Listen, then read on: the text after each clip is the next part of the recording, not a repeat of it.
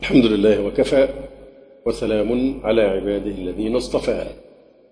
لا سيما عبده المصطفى وآله المستكبرين الشرفا أما بعد فإن أصدق الحديث كتاب الله وأحسن الهدي هدي محمد صلى الله عليه وسلم وشر الأمور محدثاتها وكل محدثة بدعة وكل بدعة ضلالة وكل ضلالة في النار.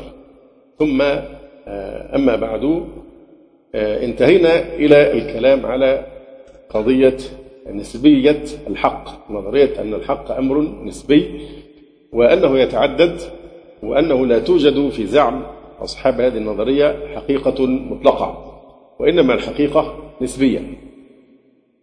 نذكر الآن الأدلة النقلية على أن الحق واحد لا يتعدد.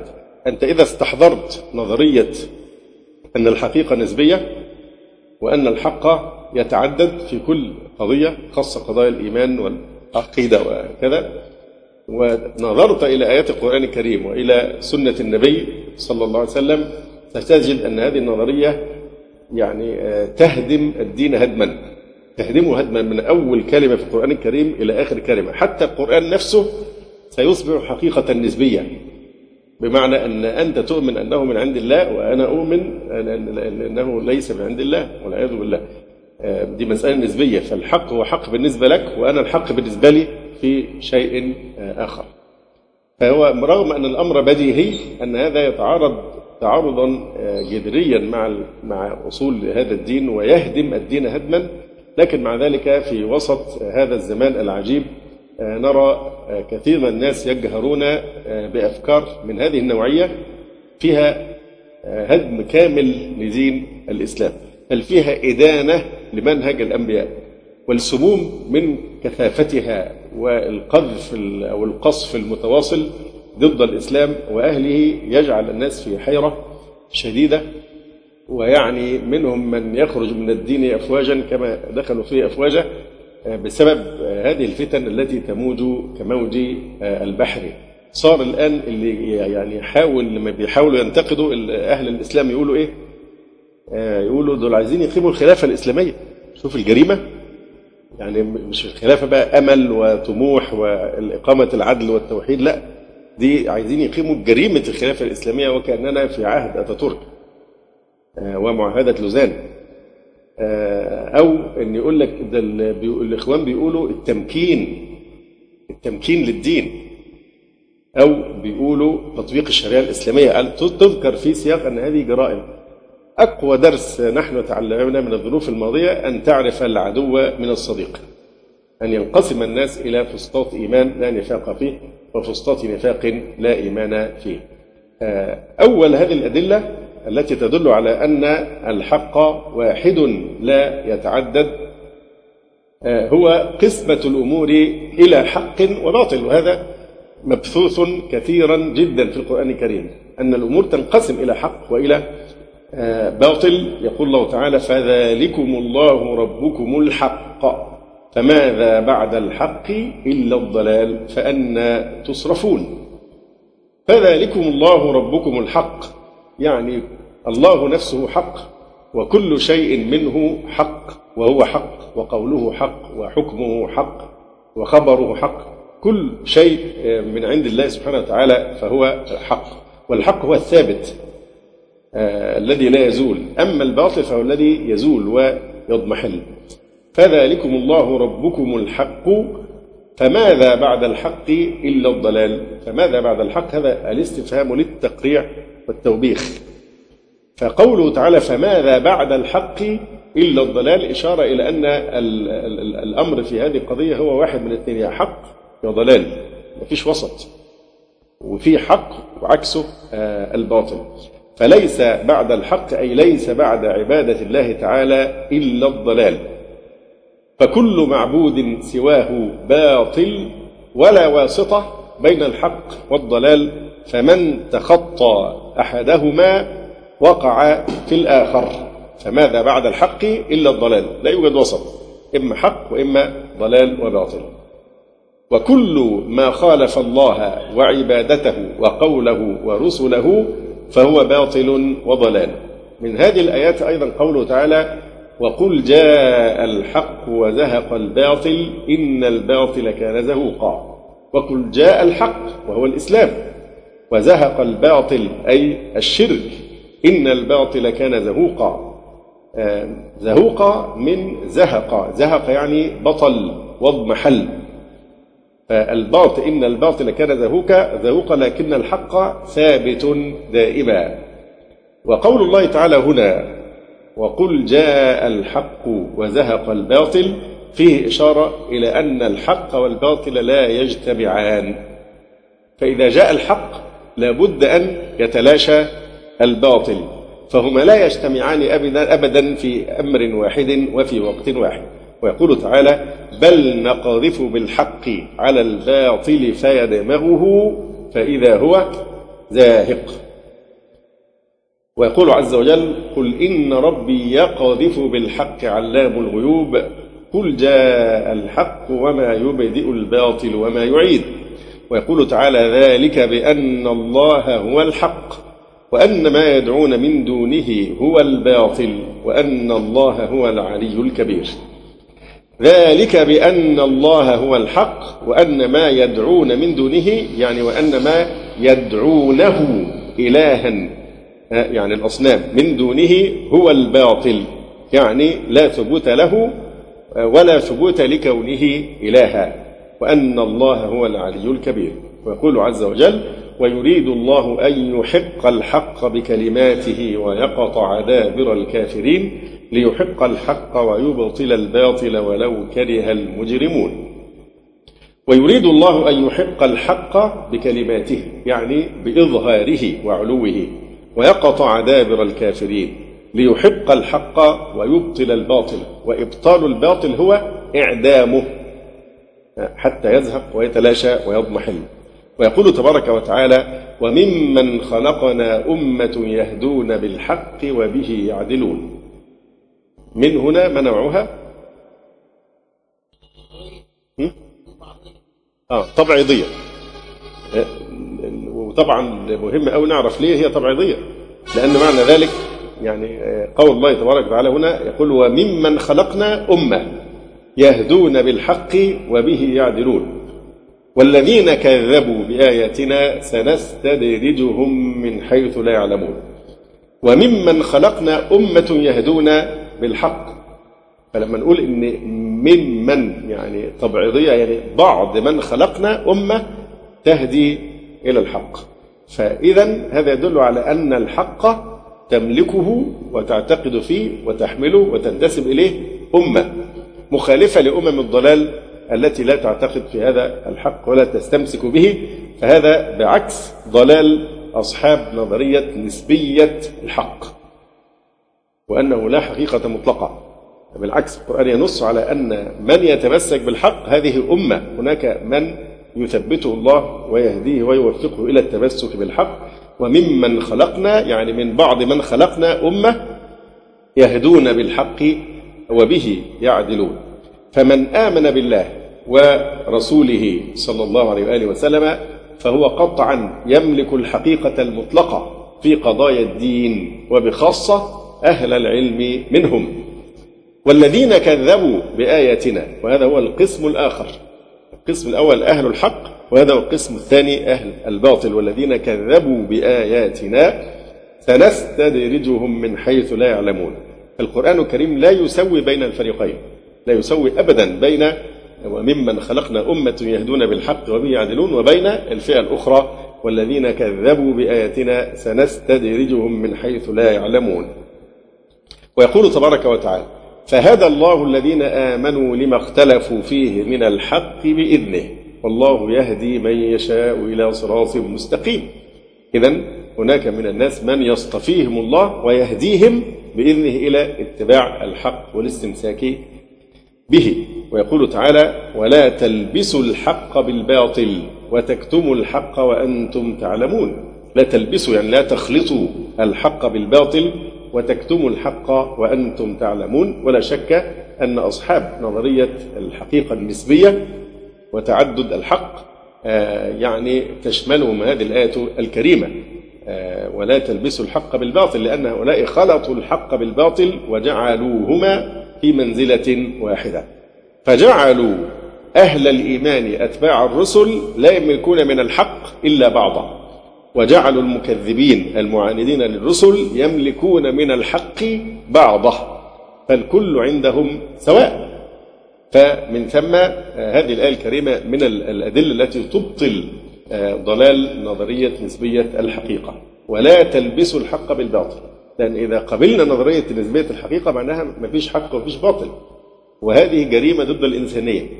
أخطر من جرائم آه، بشار والصرب وهتلر وغيرهم.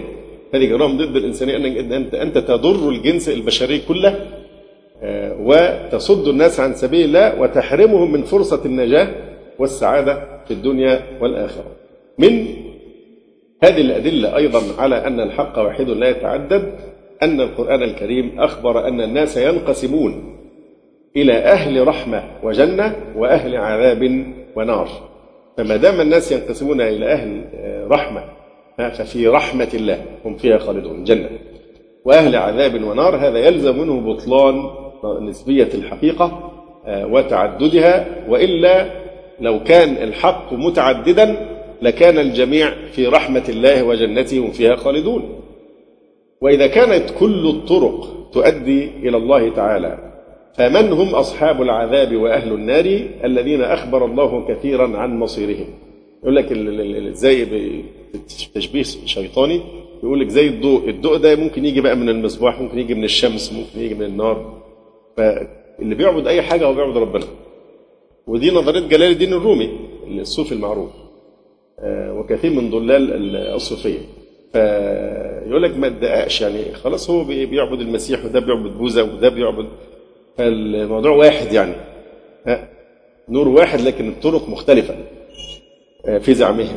فإذا كانت الطرق آه، كلها تؤدي إلى الله يعني يهودية نصرانية مجوسية أي حاجة كله يؤدي إلى الله.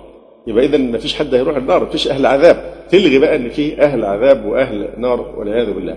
يقول الله تعالى فأما الذين آمنوا وعملوا الصالحات فيوفيهم أجورهم ويزيدهم من فضله. وأما الذين استنكفوا واستكبروا فيعذبهم عذابا أليما ولا يجدون لهم من دون الله وليا ولا نصيرا. ويقول تعالى فأما الذين شقوا ففي النار لهم فيها زفير وشهيق خالدين فيها ما دامت السماوات والأرض إلا ما شاء ربك. إن ربك فعال لما يريد. وأما الذين سعدوا ففي الجنة خالدين فيها ما دامت السماوات والأرض إلا ما شاء ربك عطاء غير مجذوذ فيقول تعالى مثل نظرية نسبية الحقيقة تلغي كل هذا الذي نذكره. مثل الجنة التي وعد المتقون تجري من تحتها الأنهار أكلها دائم وظلها تلك عقب الذين اتقوا وعقب الكافرين النار. من هذه الأدلة أيضا آه، آه، الأمر بلزوم الإسلام والاستمساك به والنهي عن آه، اتباع الملل الباطلة. يا أيها الذين آمنوا اتقوا الله حق تقاته ولا تموتن إلا وأنتم مسلمون. ثبات حتى الممات على الإسلام. ويقول تعالى إن الدين عند الله الإسلام. ويقول تعالى ومن يبتغي غير الإسلام دينا فلن يقبل منه وهو في الآخرة من الخاسرين. يقول شيخ الإسلام ابن تيمية رحمه الله تعالى فمن لم يقر باطنا وظاهرا بأن الله لا يقبل دينا سوى الإسلام فليس بمسلم. أي إنسان ولو ادعى الإسلام يعتقد أن هناك دينا يمكن أن ينجو صاحبه سوى دين الإسلام فلا حظ له في الإسلام على الإطلاق على الإطلاق. أيضا من هذه الأدلة آه، النهي عن الفرقة والاختلاف في الدين.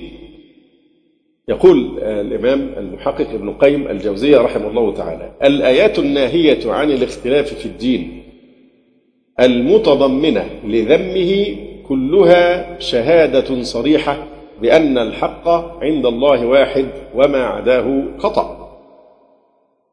ما دام في آيات كثيرة تذم الفرقة في الدين. طبعا المقصود الفرقة التي تضر. في اختلاف لا يضر. كان الاختلاف في قضايا الاجتهاد كما ذكرنا من قبل. لكن في قضايا الاختلاف في قضايا العقيدة والأصول والقضايا الكبيرة هذا الاختلاف فيها يضر. فالآيات الكثيرة التي تنهى عن الاختلاف في الدين وتذم الاختلاف في الدين كلها شهادة صريحة بأن الحق عند الله واحد وما عداه فخطأ.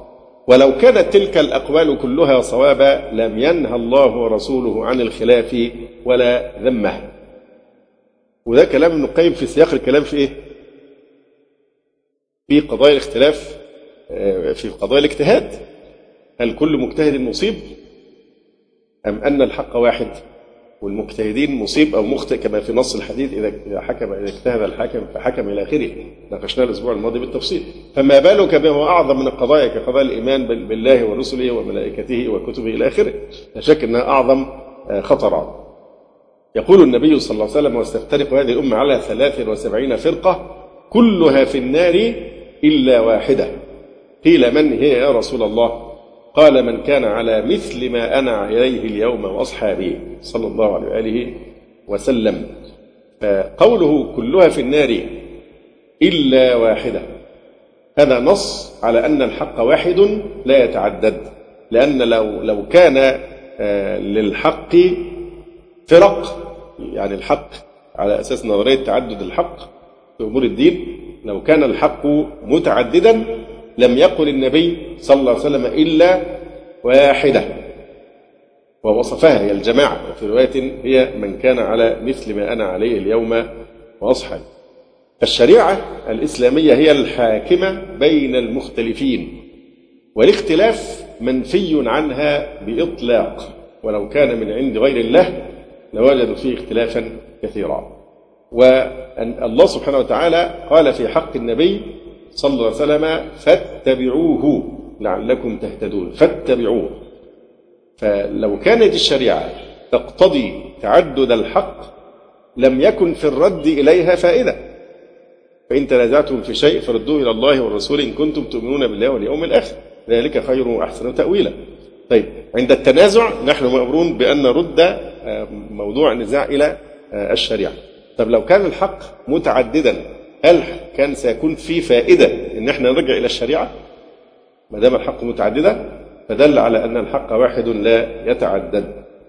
لأن الرد فيها لا يكون لا يكون إلا لأمر واحد فلا يسع أن يكون أهل الحق فرقا أهل الحق لابد أن يكونوا فرقة واحدة.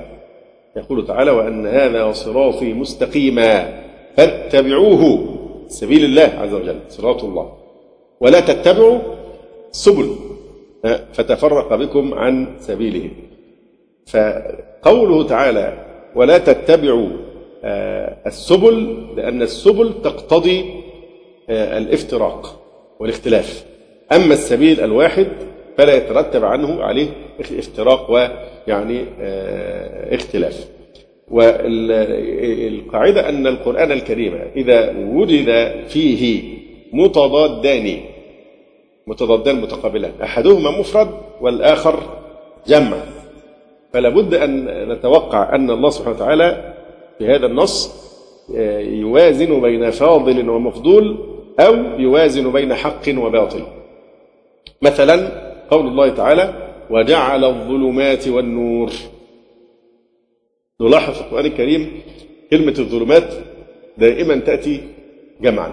فرق. وضلالات وأديان كفرية إلى آخره. لكن النور دائما يأتي مفردا لأن الحق واحد. أما الظلمات فلا حصر له. وجعل الظلمات والنور. فهذا آه، يعني آه، فيه إيه؟ موازنة بين الحق وبين الباطل. عن اليمين والشمائل آه، سجدا. عن اليمين والشمائل طبعا هنا موازنة بين فاضل ومفضول. مثلا الله لأن اليمين إيه؟ واحدة والشمائل متعددة. فهنا مش حق وباطل لكن إيه؟ فاضل ومفضول عن اليمين أفضل. يقول الله تعالى الله ولي الذين آمنوا يخرجهم من الظلمات إلى النور. فكلمة الظلمات بالجمع تدل على أن الكفر أجناس كثيرة وهي باطلة كلها. ظلمات الهوى والشهوة ظلمات آه، الشر. أو الشرود والتيه ظلمات الكبر والطغيان ظلمات الرياء والنفاق ظلمات الشك والقلق ظلمات الأديان الباطلة والمذاهب الإلحادية. لم يرد في القرآن لفظة أنوار بل نور فدل على أن الحق واحد لا يتعدد وأن هذا صراطي صراطي نسبه عز وجل إلى نفسه واحد صراطي مستقيما فاتبعوه واحد ولا تتبعوا السبل فتفرق بكم عن سبيله. سبيل الله أتت أيضا إيه؟ مفردة. وعدم تعدد الحق في المسائل الاجتهادية الفقهية يدل من باب أولى على عدم تعدده في الاعتقادات القطعية كما ناقشنا ذلك الأسبوع الماضي. يعني كان في الأمور الفقهية اختلافات الاجتهادية الحق واحد والمجتهد إما مصيب وإما مخطئ ده في القضايا الفقهية الاختلافات الاجتهادية. فما بالك بأمور الدين القطعية والعقائد ونحو ذلك؟ بعدما سردنا هذه الجملة من الأدلة النقلية على بطلان نظرية نسبية الحقيقة وتعدد الحق نذكر الأدلة العقلية على بطلان فكرة نسبية الحق وتعدده. معلوم أن عقيدة الإسلام وشريعته توافق العقول الصريحة وليس فيها ما تنكره العقول أو تحيله. فالحقيقة هؤلاء أصحاب الأهواء لا يسمون أصحاب العقول أو العقلانيين إلى آخره. فالشريعة الإسلامية عقيدة الإسلام وشريعته توافق العقول الصريحة. وليس فيها ما تنكره العقول أو تحيله. الشريعة الإسلامية لا تعرف أبدا تتبنى فكرة يستحيل على العقل تصديقها. لكن ممكن الشريعة تخبر بأشياء تحير العقول. هي ليست من مجال العقل. العقل مجاله الحسيات. أما الغيبيات هل العقل هيقدر يكلمنا عن القدر السابق والميثاق القديم وإيه اللي في الجنة واللي في النار؟ والإيمان بالغيب وهذه الأشياء كلها العقل فالأنبياء معصومون. لا يقولون على الله سبحانه وتعالى إلا الحق. والأنبياء قد يخبرون بما يعجز العقل عن معرفته ولا يخبرون أبدا بما يعلم العقل بطلانه. لا يمكن عندنا في الوحي الإلهي على جميع الأنبياء لا يمكن أن النبي يخبر بشيء العقل يحكم ببطلانه لكن يمكن أن يخبر بشيء يعجز العقل عن إدراكه. لأن العقل مش مصمم أنه يدرك يعني كثير من هذه الغيبيات. طيب قد يخبر الأنبياء بمحارات العقول ولكن لا يخبرون بمحالات العقول وهذه من العبارات البديعة لشيخ الإسلام ابن تيمية رحمه الله تعالى صاحب أقوى كتاب في توصيف العلاقة الصحيحة بين العقل الصريح والنقل الصحيح في كتابه الرائع الذي لم يصنف مثله في موضوعه وهو كتاب درء تعارض صريح المعقول مع صحيح المنقول. من من أعجب الكتب في التاريخ البشري التي ألفها البشر يعني. هذا الكتاب الماتع الرائع. قد يخبرون بمحارات العقول يعني أشياء تحير العقول. والمحارات يعني هي ما لا تدخل تحت فهم العقل وإدراكه. لكن الذي يحير العقل ليس معناه أنه مستحيل عقلا بحيث يحكم بامتناعه وأنه لا يقع. يقول شيخ الإسلام الأنبياء قد يخبرون بمحارات العقول ولكن لا يخبرون بمحالات العقول يعني الأمور المستحيلة عقلا كاجتماع النقيضين أبدا. من الضلات من الضلالات التي يحكم العاقل أي عاقل ببطلانها القول بنسبية الحقيقة. طيب ما هي الأدلة العقلية بقى بالعقل السليم على بطلان نظرية نسبية الحقيقة؟ قالوا إن الحقيقة نسبية ولا أحد يمتلك الحقيقة المطلقة. الآن الوضع أسوأ مما كان من قبل. يعني أنا أذكر أيام السادات كان الحزب مش عارف كان هو الوطني ولا كان أيام أيام حزب مصر والمنابر ومش عارف إيه. فالمهم يعني كان الحزب اللي هو الوطني أيام السادات كان في انتخابات يعمل إعلانات يقول إيه من أجل تطبيق الشريعة الإسلامية. يا زمانا بكيت منه فلما صرت في غيره يعني صرت أبكي عليه فكان الحزب الوطني نفسه بيعمل الدعاية بأنه يقول للناس عشان ينتخبوه من أجل تطبيق الشريعة الإسلامية. آه ف ف ف آه الآن الليبراليين عادي جدا الليبرالي يعلن هو ليبرالي ولا يستحي عادي ويتوهم إنه مسلم في نفس الوقت. إحنا ما نكفرهم طبعا كما قلنا ده ناس جهله ما ما ما يعرفون الدين الذي ينتسبون إليه. لكن الليبرالي ما من أحد أركان الليبرالية ألا تعتقد أن هناك دينا يحتكر الحقيقة. مفيش حقيقة مطلقة، حقيقة نسبية. دي من أعمدة الدين الليبرالي. أنه لا دين يحتكر الحقيقة المطلقة. واضح؟ فدي أحد أركان هذا المذهب وهذا الدين كما ان شاء الله نحاول أن فيما بعد يعني نفصل فيها. فهم يقولون إن الحقيقة نسبية ولا أحد يملك الحقيقة المطلقة. فكيف يعني ودي الحقيقة استدلال جميل جدا من المصنف هنا ان هو بيقول دي دعوة أنت بتدعيها وهي إيه؟ إن الحقيقة نسبية ولا أحد يملك الحقيقة المطلقة. طيب الجملة دي كده بين قوسين الحقيقة نسبية ولا أحد يملك الحقيقة المطلقة. كيف حكموا لأنفسهم بأنهم يمتلكون الحقيقة في قولهم لا أحد يملك الحقيقة. وقولكم إنه لا يملك أحد الحقيقة وإنها نسبية هذا القول إما أنه حق وإما أنه باطل فإن قلتم هذا القول في حد ذاته نسبي ولا يمكن القطع والجزم به قلنا فإذا لا يصح اعتماده ولا الأخذ به لأنه مشكوك فيه وإن قلتم إن هذا القول عبارة إن إنه لا يملك أحد الحقيقة والحقيقة نسبية. إن قلتم هو قول حق بدليل أننا ننصره وندعو إليه. نقول لكم لقد ناقضتم أنفسكم وأبطلتم مذهبكم بقولكم إنه حق مع أنكم تدعون نسبية الحقيقة وألا أحد يملك الحقيقة المطلقة. يبقى طبقوا نفس المبدأ على هذه المقولة. نعم. والتجربة والمشاهدة تشهد بأن كل إنسان يعامل غيره على أنه يملك الحقيقة ويعرف الحق. المنصر الذي يبشر بالنصرانية المفكر الذي يدعو لمذهب المسلم الذي يدعو إلى الإسلام كله بيتعامل مع غيره على أنه يملك الحقيقة ويعرف الحق.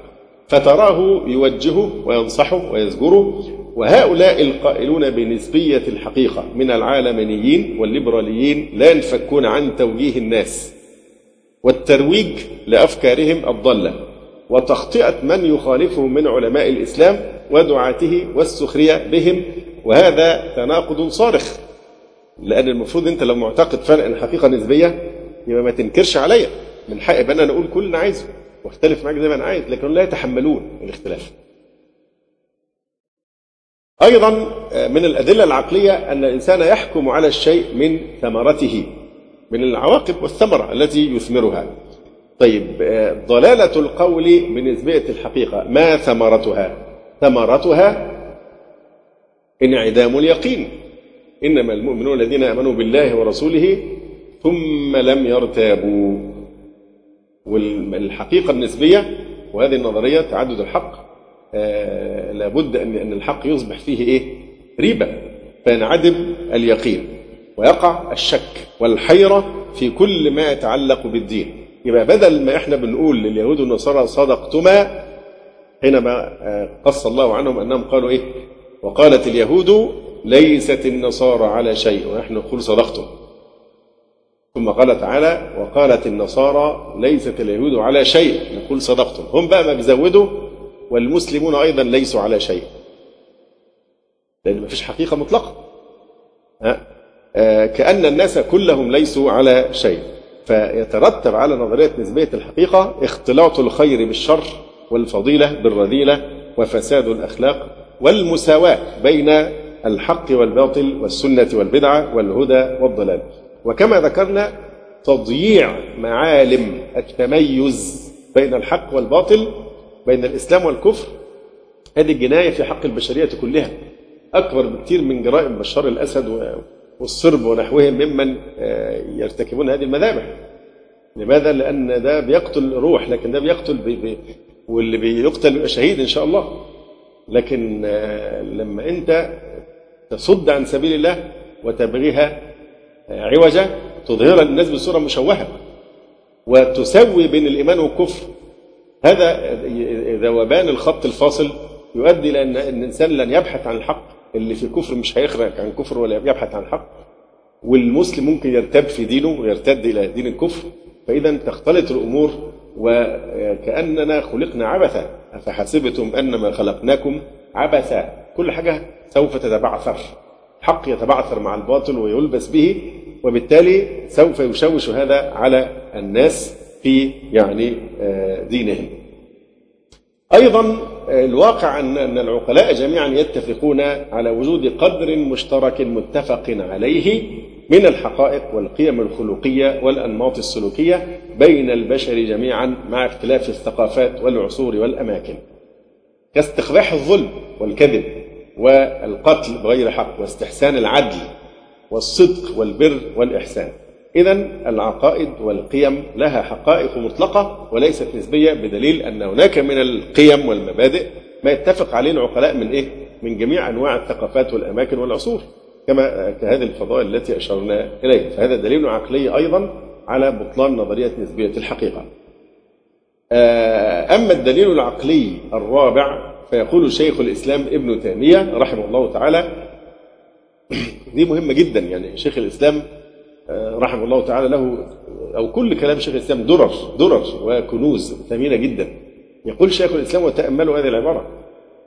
إن حقائق الموجودات ثابتة في نفسها سواء اعتقدها الناس أو لم يعتقدوها وسواء اتفقت عقائدهم فيها أو اختلفت. هذه عبارة في غاية الأهمية وفي غاية القوة. إن حقائق الموجودات يعني بتعبير بتعبير آخر نقدر نقول إيه؟ يعني بالضبط كده المعنى يقفز إلى قلوبنا حينما نسمع قول النبي صلى الله عليه وسلم من يطع الله ورسوله فقد رشد ومن يعص الله ورسوله فإنه لا يضر إلا نفسه ولا يضر الله شيء هو اللي بيلحد يقول ما فيش إله أو إن الإله عيسى أو بوذا أو كذا أو كذا هو هو يعني معنى ذلك إن كلامه ما فيش إله يبقى ما فيش إله. هو الإله الحق موجود والأدلة عليه مقطوع بها. ومعرفة الله مغروسة في أعماق الفطرة البشرية. بديهيه أولية ضرورية بحيث لا يحتاج إلى استدلال ولا إلى نظر اطلاقا كما سنناقش هذا فيما بعد بالتفصيل إن شاء الله تعالى. فهل لما واحد يقول إن الإله مثلا هو عيسى يبقى أصبح الإله هو عيسى عليه السلام؟ هو بيضر مين؟ بيضر نفسه. انت بتعيش في الدنيا فرصة واحدة بس. هي الحياة كلها إيه؟ مرة واحدة. وستموت رغم أنفك في الوقت الذي يشاءه الله الذي وهبك هذه الحياة. وستبعث يوم القيامة رغم أنفك. وستحاسب رغم أنفك وستعاقب أو تنعم رغم أنفك. فإذا القضية يعني كون أنا فإذا من اللي بيتضرر؟ من نظرية نسبية الحقيقة؟ أصحابها أنفسهم. لأن هو هيضيع والفرصة الوحيدة اللي هي الحياة هتضيع عليه وما فيش فرصة للاستدراك. لكن قامت حجة الله عليه بث آياته في الآفاق وفي أنفسهم وأنزل الكتب وأرسل الرسل وأقام الأدلة وهذا العقل وأيد الأنبياء بالمعجزات وأدلة الحق مبثوثة في كل مكان. هو الذي عطلها هو الذي عطلها. وأنتم ترون الناس كيف يشتغلون بالتفاهات وكل اللي عايز يدخل مثلا موسوعة جينيس دي بتاعت الحاجات القياسية يقعد يعمل حاجات تافهة عجيبة جدا. النهارده بيقولوا مش عارف واحد عاملين شاورما مش عارف كام طن. إيه إيه التفاهات دي؟ أعلى مبنى في العالم أعلى مش عارف إيه أطول تورتة كذا. إيه ما هذه التفاهات اللي شغلاكم؟ واحد يعمل دكتوراه في أفضل طريقة لغسيل الأواني. أو أو كذا أو كذا. يعني وسايب القضية اللي هي المفروض محور الحياة. توحيد فالشاهد الناس اللي هي بتنكر الحقائق أو تتبنى نظرية تعدد الحق أو نسبية الحقيقة من المتضرر؟ هم ما يضرون إلا أنفسهم. ها؟ ها؟ فلا فإنه لا يضر إلا نفسه. ولا يضر الله شيئا كما قال عز وجل في الحديث القدسي يا عبادي إنكم لن تبلغوا ضري فتضروني ولن تبلغوا نفعي فتنفعوني. ها؟ يقول الله عز وجل وما خلقت الجن والإنس إلا ليعبدون. ما أريد منهم رزق وما أريد أن يطعمون. إن الله هو الرزاق ذو القوة المتين. مين محتاج لمين؟ الإنسان الذي يدعي أنه غني لا هو هو الآية دقيقة جدا. أن رآه استغنى. كلا إن الإنسان ليطغى أن رآه استغنى يعني هو رأى نفسه استغنى. لكن هو في الحقيقة ليس غنيا عن الله. طرفة عين. لكن هو يرى نفسه ويغتر أنه استغنى عن الله تبارك آه، وتعالى فهذه العبارة عبارة مهمة جدا في إبطال هذه النظرية المشؤومة وهي قول شيخ الإسلام ابن تيمية رحمه الله تعالى إن حقائق الموجودات ثابتة في نفسها سواء اعتقدها الناس أو لم يعتقدوها وسواء وسواء اتفقت عقائدهم فيها أو اختلفت. يعني زي ما قلنا من أنواع السفسطة إن شيء بديهي ضروري علم ضروري. لا يملك الإنسان يضطر إلى التصديق به لا يملك أبدا الشك فيه. الشمس طالعة في كبد السماء. أقول لك الشمس طلعت تقول لي إيه الدليل؟ فكوني أقول لك على حاجة محسوسة تمسكها بإيديك أو تراها بعينك. وهذه إحدى طرق الإدراك القطعي يعني. وأنت بتقول لي إيه الدليل إن الشمس طالعة؟ اثبت لي إن الشمس طالعة. أنا بقى الحقيقة نسبية. أنا عندي حقيقة إن الشمس طالعة في كبد السماء نسبية بالنسبة لك لكن هي بالنسبة لي هي مش طالعة الدنيا ضلمة. ففي مثل هذا يقال هذه هي السفسطة بيناقش في أشياء لا مجال للمكابرة فيها كما قال الشاعر وليس يصح في الأذهان شيء إذا احتاج النهار إلى دليل. فاللي بيقول إن الخالق هو بوذا أو الخالق هو المسيح عليه السلام. هو هل بمجرد زعمه بيغير الحقيقة؟ أم أنه يضر نفسه؟ لأنه سيضيع الفرصة الوحيدة في الحياة. سينقضي أجله ويلقى الله ويخلد في جهنم إلى الأبد. وكلمة الخلود كما ذكرنا من قبل الإنسان لو وقف عندها لا يهنأه طعام ولا شراب ولا نوم. خلود إيه معنى كلمة خلود؟ بلا نهاية. بسبب ضيع الفرصة. إن الله لا يظلم الناس شيئا ولكن الناس أنفسهم يظلمون الله أعطاك كل الفرص أنت الذي عطلت عقلك وأفسدت يعني فطرتك.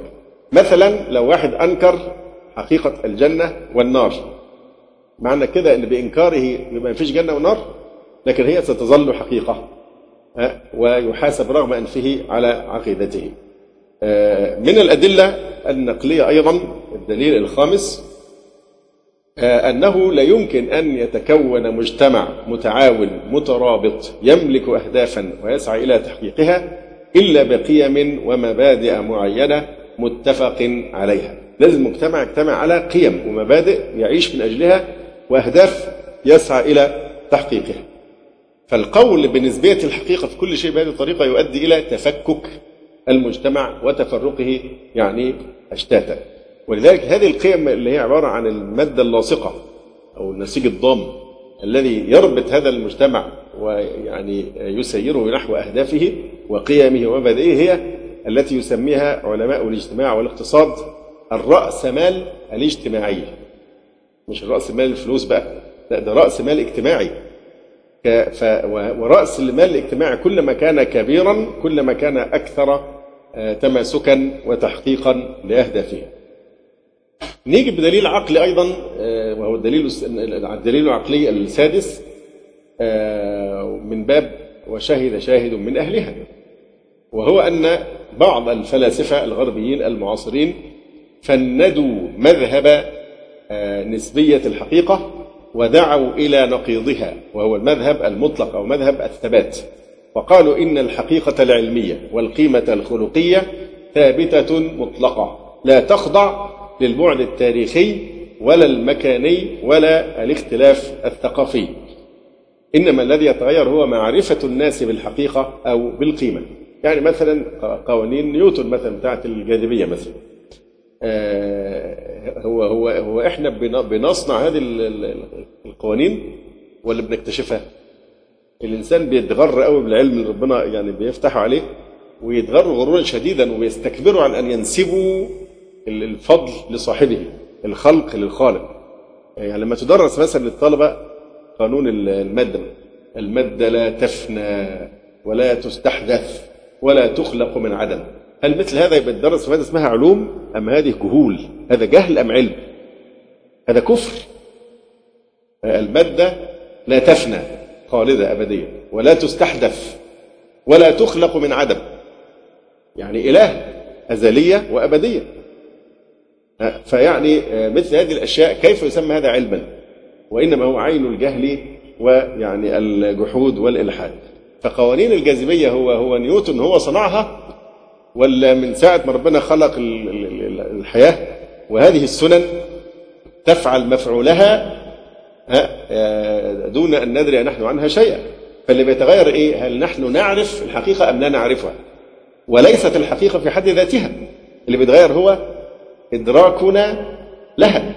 يبقى المغناطيسيه والكهربائية والطاقة أشياء كتير جدا. هي موجودة. ومن منذ أن خلق الله سبحانه وتعالى وتعمل عملها وتفعل مفعولها. اللي بيتغير هو إدراكنا نحن لها فبعد ما نكون بنجهلها نعلمها أو نكتشفها. ونحن لسنا الذين يعني نصنعها. بغض النظر بقى إن البشر كانوا قبل نيوتن مثلا في قوانين الجاذبية كانوا يجهلونها أو بعد نيوتن هتيجي معارف أخرى مختلفة. الدليل السابع أن نظرية نسبية الحقيقة تؤدي إلى زيادة فرقة الأمة وانشطار المذاهب والملل والنحل مما يضعف المجتمع ويشتته. وهذه كفر بنعمة، الإسلام بيوحد ويجمع. وجود بقى أحزاب سياسية ويقول لك التعددية السياسية ومش عارف وكل هذا الضلال المبين الغرب مش. لا يريد بنا خيرا. الغرب عشان يفتتنا ويقطعنا ويمزقنا. أنا فاكر أوباما من حوالي ثلاثة إلى أربع أسابيع قرأت له تصريحا في غاية الوجازة. موجز. يقول للشعب الأمريكي لا تقلقوا من من من ثورات الربيع العربي. لا تقلقوا. طمنوا إحنا ماشيين أمورنا كويس. لا تقلقوا. بس ما قالش أكثر من كده. لا تقلقوا من الثورات العربية. فيعني ال هذا هذا الشتات موضوع يقول لك التعددية السياسية والأحزاب ومش عارف وكذا إلى آخر هذا الكلام. هو في تعددية إسلامية ممكن تكون تعددية صحيحة. التعدديه السياسيه لها تفاصيل في وقت تاني. بس بيكون لها ضوابط عامة في المجتمع الإسلامي. لكن هو فرق تسد. هذا تفريق للأمة. يعني بلد لو إحنا حتى في مصر فقط عقلاء مش هقول بقى متدينين وملتزمين بالإسلام. لو إحنا عقلاء كانت تضيع منا الفرص تلو الفرصة بهذه الصورة. لكن إيه السلاح الأقوى اللي خلانا البازل وصلت لخلاص بتتقفل دلوقتي بالصورة دي؟ إيه السبب؟ الفرقة. الفرقة. كل واحد ده كذا وده كذا وده حزب إيه وده حتى السلفيين ممزقين حتى الإسلاميين ممزقين فما بالك بالقوى السياسية الأخرى. فهذا الشتات هو يخدم أعداء الأمة. عكس ما تكون الأمة كلها متماسكة عقيدة واحدة منهج واحد يتعاونون على البر والتقوى ويعني يعيشون لهدف واحد. فالرسول صلى الله عليه وسلم جاء ليوحد الناس على الحق. يقول الله تعالى واعتصموا بحبل الله جميعا ولا تفرقوا. حتى شوف كلمة اعتصموا مكتوبة الحروف كلها متماسكة. جميعا متماسكة. لكن تفرقوا كلمة إيه؟ متفرقة متشتتة. واعتصموا بحبل الله. الوحدة لا تكون إلا على الحق. هذه التي ولذلك قال النبي صلى الله عليه وسلم فإنه من يعش منكم بعدي فسيرى اختلافا كثيرا. طيب هل ذكر الداء ولم يذكر علاجه؟ مباشرة ذكر صلى الله عليه وسلم الدواء مباشرة. فإنه من يعش منكم بعد فسيرى اختلافا كثيرا. ف فعليكم بسنتي وسنة الخلفاء الراشدين المهديين. عضوا عليها بالنواجذ وإياكم ومعتدات الأمور إلى آخر الحديث الشريف. أيضا نظرية نسبية الحقيقة تؤدي إلى رواج الباطل وعدم إنكاره وبالتالي يحصل التفريط والتضييع للدين. الدليل العقلي التاسع أنه في الحقيقة ليس هناك علاقة مؤثرة بين حقيقة الشيء في حد ذاته وبين الظروف المحيطة به اللي هي ثقافيا وزمانيا ومكانيا. يعني لو قلنا مثلا أرض كروية من 100 سنة طب دلوقتي اتغيرت الظروف يبقى الأرض هتبقى مش كروية؟ هتبقى مسطحة مثلا؟ فمفيش علاقة بالتغير المكان والزمان والثقافات. الحقائق الثابتة ستبقى ثابتة كما هي لأن هذه سنن كونية منتظمة محكمة. مثلا من ألف سنة الفقهاء كانوا يقولون الحجاب واجب على المرأة. هل دلوقتي زي ما بيقول الملاحدة والليبراليون وغيرهم إن الكلام ده كان زمان؟ يعني من ألف سنة الدنيا غيرت دلوقتي. الدنيا غيرت. عايزني بعد ألف سنة المرأة تلبس الحجاب اللي كانت بتلبسه من ألف سنة. عايزين الشريعة اللي نزلت في في المجتمع من يعني 400 ألف سنة تطبق دلوقتي في القرن الواحد والعشرين. ما لكم؟ كيف تحكمون؟ بيتعجبوا قوي. فما فيش ربط بين الحقيقة وبين المتغيرات الزمنية أو الثقافية أو المكانية. اللي بيتغير الأشياء اللي هي تبنى على الأعراف ولذلك الفقهاء يقولون العادة محكمة. العادة محكمة يعني الحكم الشرعي اللي هو معلق على العرف هذا هو الذي يتغير بتغير الأعراف. يتغير بتغير العرف. كتير من الأحكام بتبقى زي مثلا ما معنى الحرز مثلا؟ الحرز دي ترجع للعرف في تحديدها. نفة السفر وهكذا. فما بني على العرف هو الذي يحصل فيه إيه؟ تغير بتغير الزمان وتحكم فيه العادات والأعراف. أما ما بني على أدلة من الوحي المعصوم فإنه لا يتأثر لأنها لأن هذا الحكم قائم على أدلة الوحي المحكمة. طيب الدليل العاشر من الأدلة النقلية على بطلان نظرية نسبية الحقيقة وتعدد الحق يعني أنه في جميع بلاد العالم التي تحكمها قوانين وضعية لا تطبق دولة منها نظرية النسبية في أحكامها وقراراتها.